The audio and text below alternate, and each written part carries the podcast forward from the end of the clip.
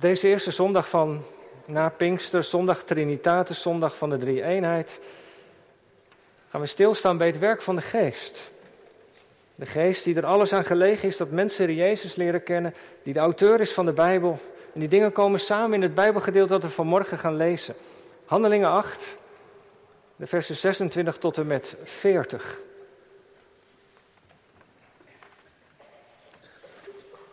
Uit het Nieuwe Testament, het tweede boek van Lucas, Handelingen 8, vers 26 tot en met 40.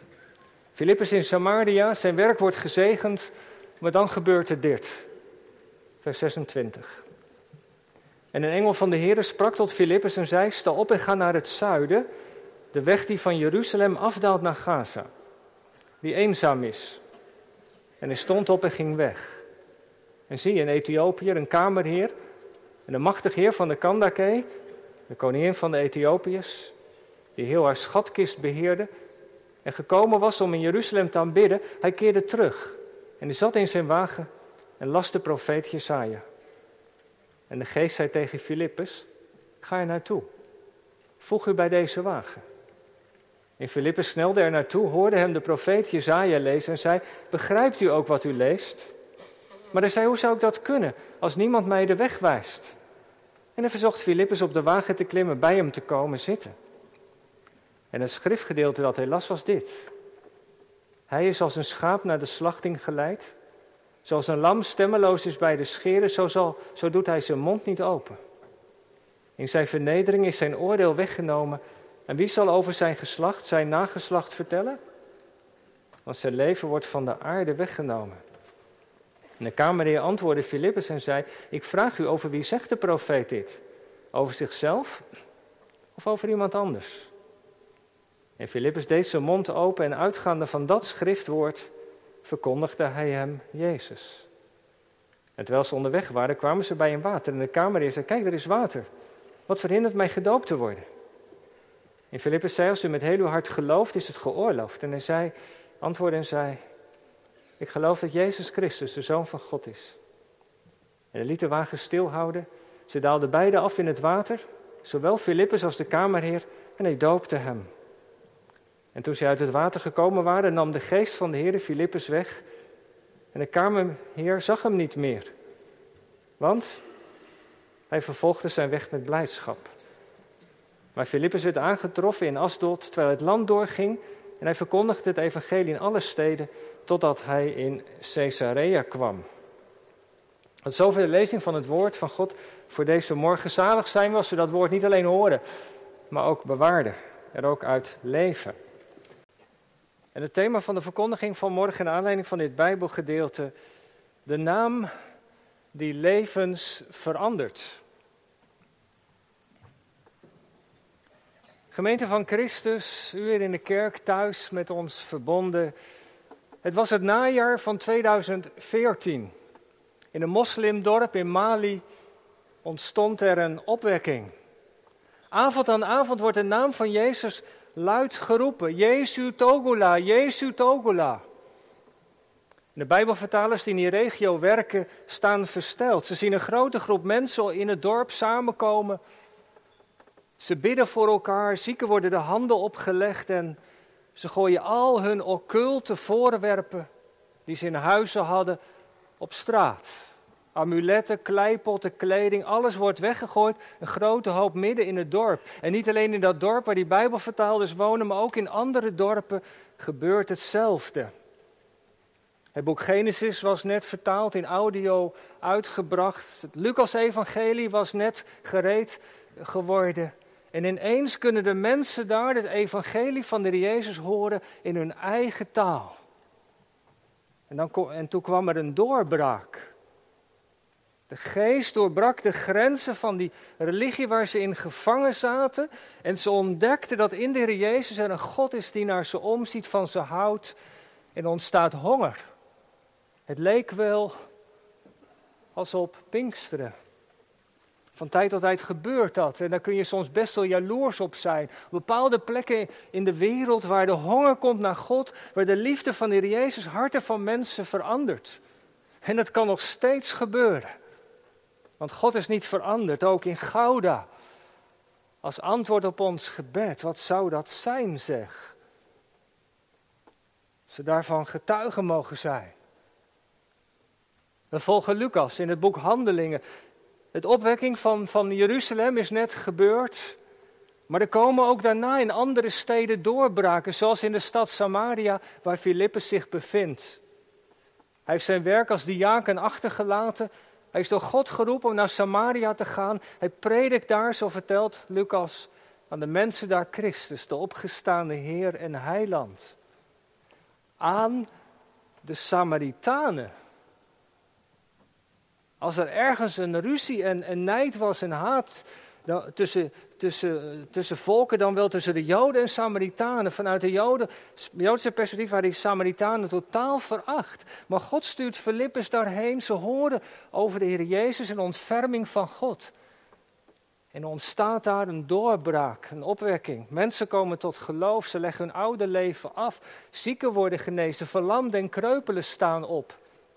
En dan in vers 8, er ontstaat grote blijdschap in de stad.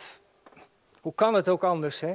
Als de liefde van God doorbreekt in de duisternis, als mensen de ontferming van God gaan ervaren, dan doet dat wat met je en dan komt er blijdschap in je hart. Als je ontdekt dat God in je schepper is, je kent, je ziet, van je houdt, naar je omziet. Het zondige verleden wordt met Christus begraven in de dood. Ze ontvangen een nieuwe identiteit, ze mogen kinderen zijn van de Vader.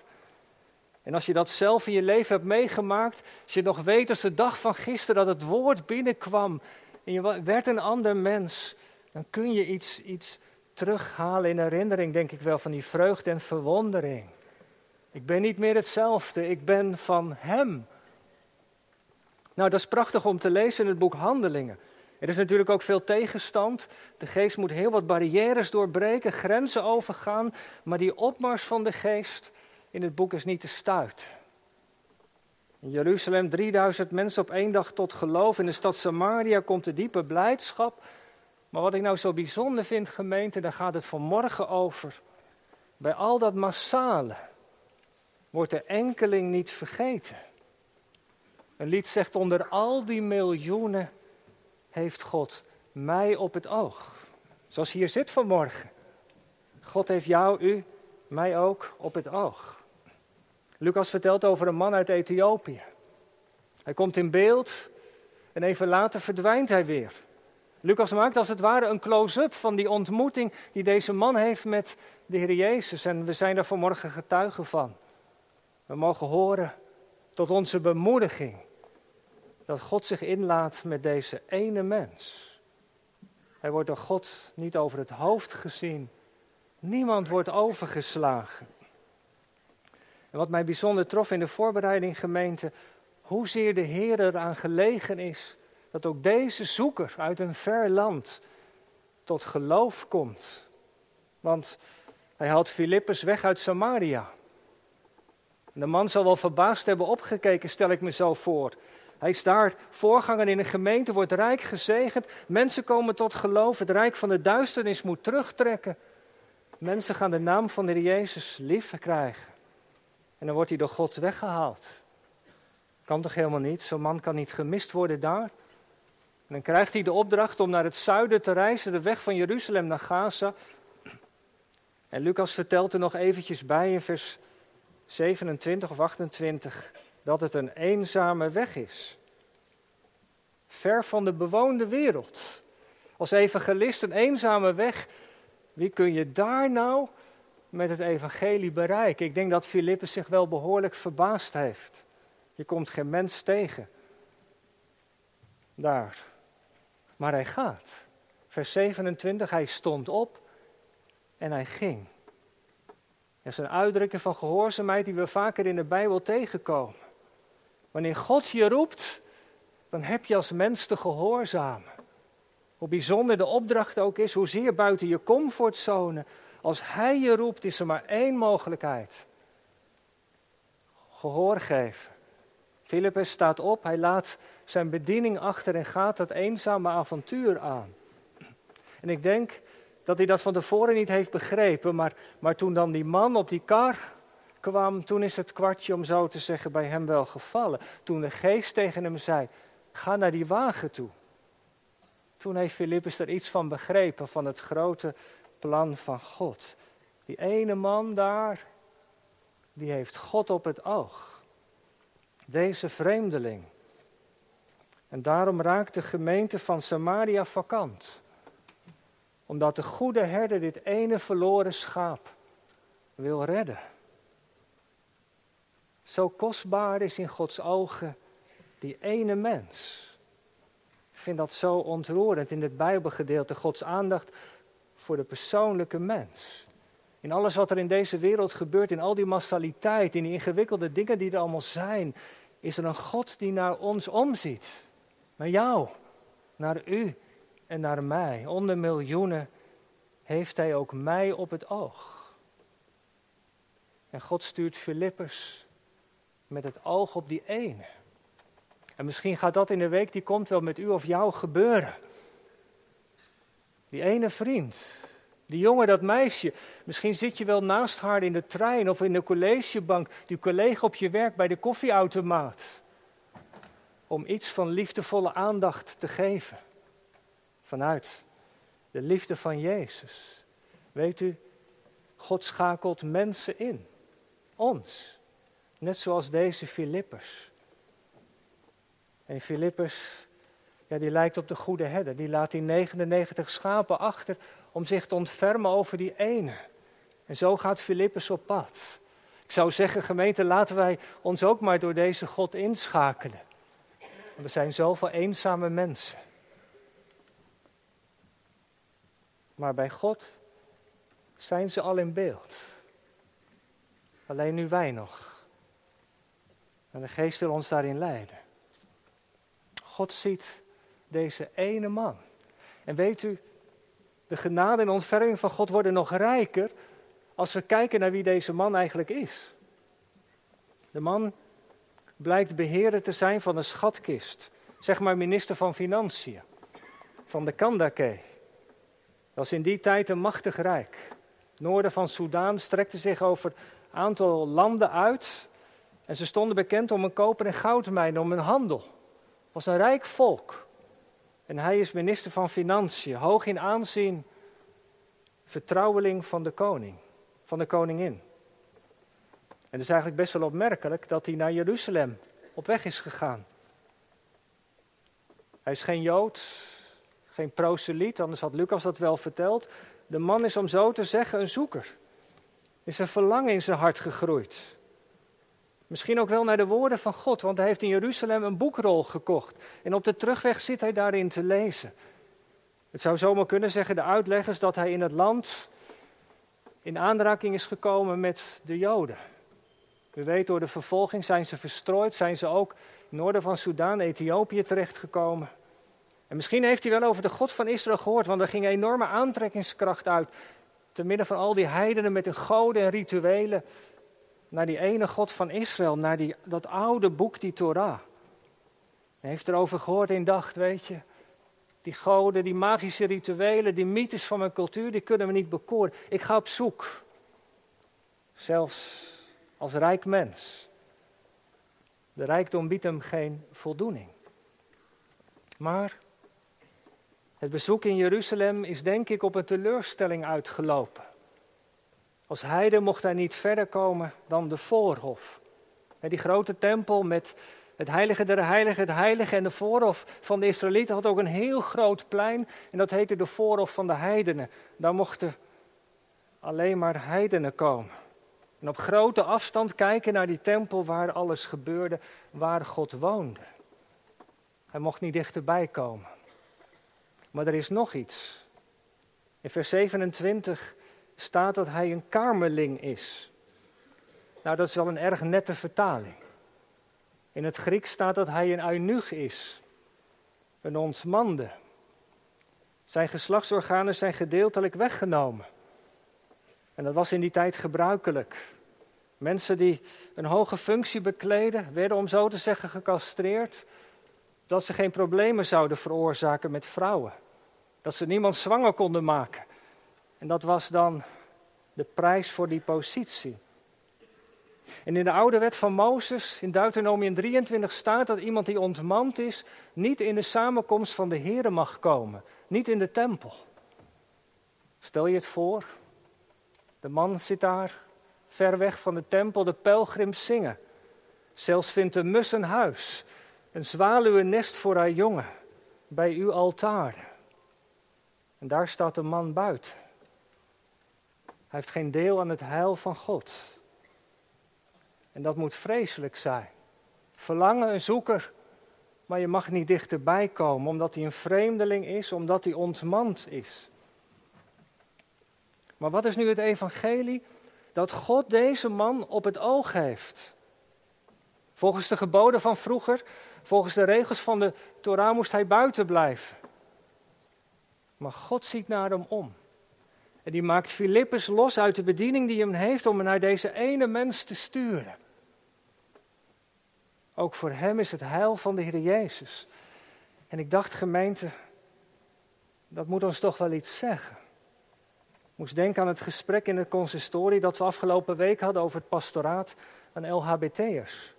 En de gemeenteavond die volgende week komt.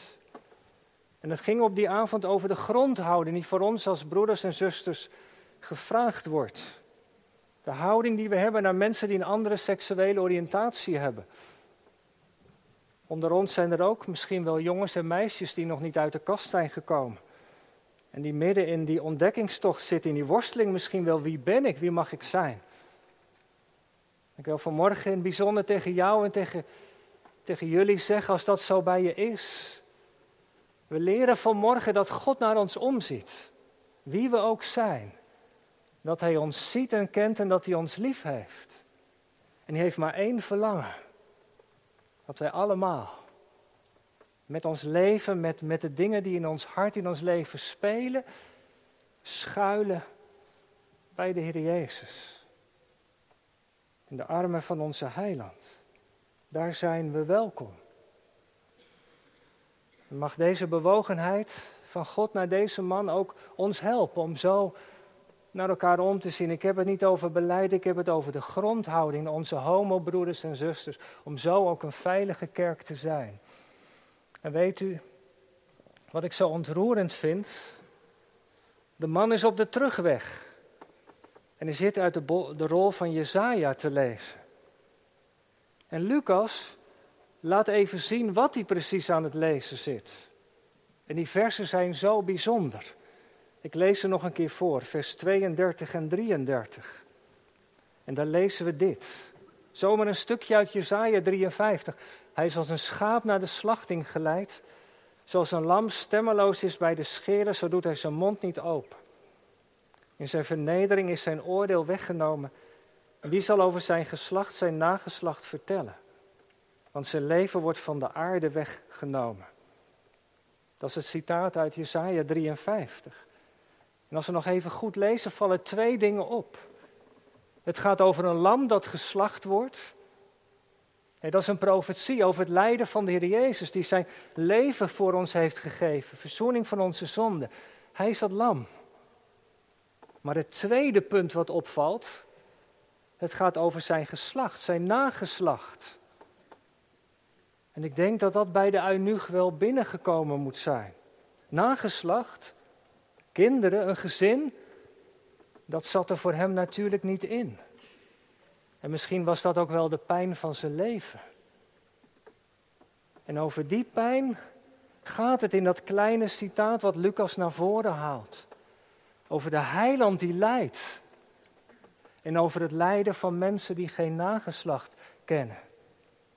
In de woorden hoort hij over een heiland die zijn lijden kent.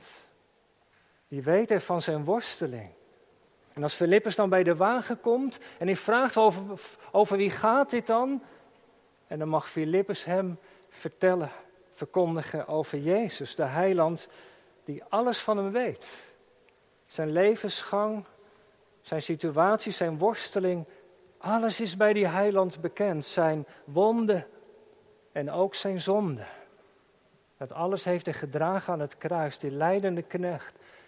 Hij is voor mij aan het kruis gegaan. Ik, ik mag erbij horen dankzij hem. Kruis en opstanding, alles wat Jezus heeft gedaan, is dat ook voor mij? Ja, dat is ook voor mij. En Filippus mag hem dat vertellen. Aanzeggen. Dat Jezus het leven van deze zoeker helemaal voor zijn rekening neemt. In zijn rijkdom, in zijn verlangen, in zijn worsteling, in zijn eenzaamheid. En Filippus heeft ook gesproken over de doop. Hebben we ook gelezen. De doop. De afwassing van je zonde. En het nieuwe begin. Wat verhindert mij om gedoopt te worden? Door de doop heen mag deze man bij de God van Israël horen. God rekent hem erbij. Deze eunuch, minister van Financiën. En hij ontdekt, de Heer heeft mij gezien. En onverwacht ben ik opnieuw geboren en getogen. God reikt zijn hand uit via deze Filippus naar deze eunuch. De spinksteren geweest. En ontvangt de geest. En Jezus komt in zijn hart. En zo is het denk ik gegaan in die koets. Wat een bijzonder moment. En zo is het verlangen doorgebroken bij die Jezus, bij die heiland die, die mij kent in alles. Die voor mij aan het kruis, daar wil ik bij horen. En die wordt gedoopt. En weet u, als hij dan even verder bladert in de rol van Jezaja, staat zomaar een belofte die over hem gaat. Nu mag hij bij de Heere horen. Jezaja 56. Daar zegt God, laat de ontmande niet zeggen, zie ik ben een dorre boom. Want de Heere zal hem een plaats en een naam geven in zijn huis. Hij hoort erbij. Voor altijd. Filippus gaat weer weg, maar de man heeft het helemaal niet in de gaten. Hij, hij vervolgt zijn weg met vreugde. Waarom? Omdat de Heer Jezus nu in zijn hart zit. De parel van grote waarde. Hij mag in Christus zijn identiteit vinden. Niet meer ik leef, maar Christus leeft in mij. En als je dat ontdekt, als dat de realiteit is in je leven, dan verandert je leven. Dan ga je jezelf met de ogen van de Heer zien, wie je ook bent. Als Jezus woont in je hart. De uitleggers vermoeden dat deze man terug in Ethiopië een kerk heeft gesticht. En dat zo de Ethiopische kerk ontstaan is. Ik weet het niet, het zou kunnen. Maar hij zal ongetwijfeld zijn mond niet hebben gehouden. Gemeente, wat een prachtige geschiedenis voor deze zondag na Pinksteren. Hoe de Heilige Geest Filippus losmaakt en op pad zet. Omdat hij maar één verlangen heeft dat elk mensenkind in aanraking komt met de Heer Jezus. De naam boven alle naam. En als je Hem leert kennen, dan ben je gered. Wie de naam van Jezus aanroept, wordt gered. Drie dingen, ten slotte. Een indrukwekkende geschiedenis, die vertelt ons in de eerste plaats iets dus over de liefde van God.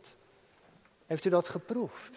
Hoe God er alles aan doet om deze man uit een ver land, mens met een verleden, de Jezus te leren kennen. Een man zonder toekomst vindt zijn identiteit in de Heer Jezus in Christus. Door het woord heeft hij de Heer Jezus leren kennen als het lam. Dat voor hem is gestorven. Gekend is hij tot in het diepst van zijn wezen. Dat mogen wij vanmorgen ook horen. Dat is het evangelie wat ik mag verkondigen aan jullie allemaal. Welke nood er ook is in uw leven, lichamelijk, geestelijk, ze worstelen met onze geaardheid. God heeft ons op het oog. Daarvoor is de Jezus gekomen. Hij doet er alles aan om ons te bereiken. Elke zondag weer trekt hij aan ons met koorden van liefde.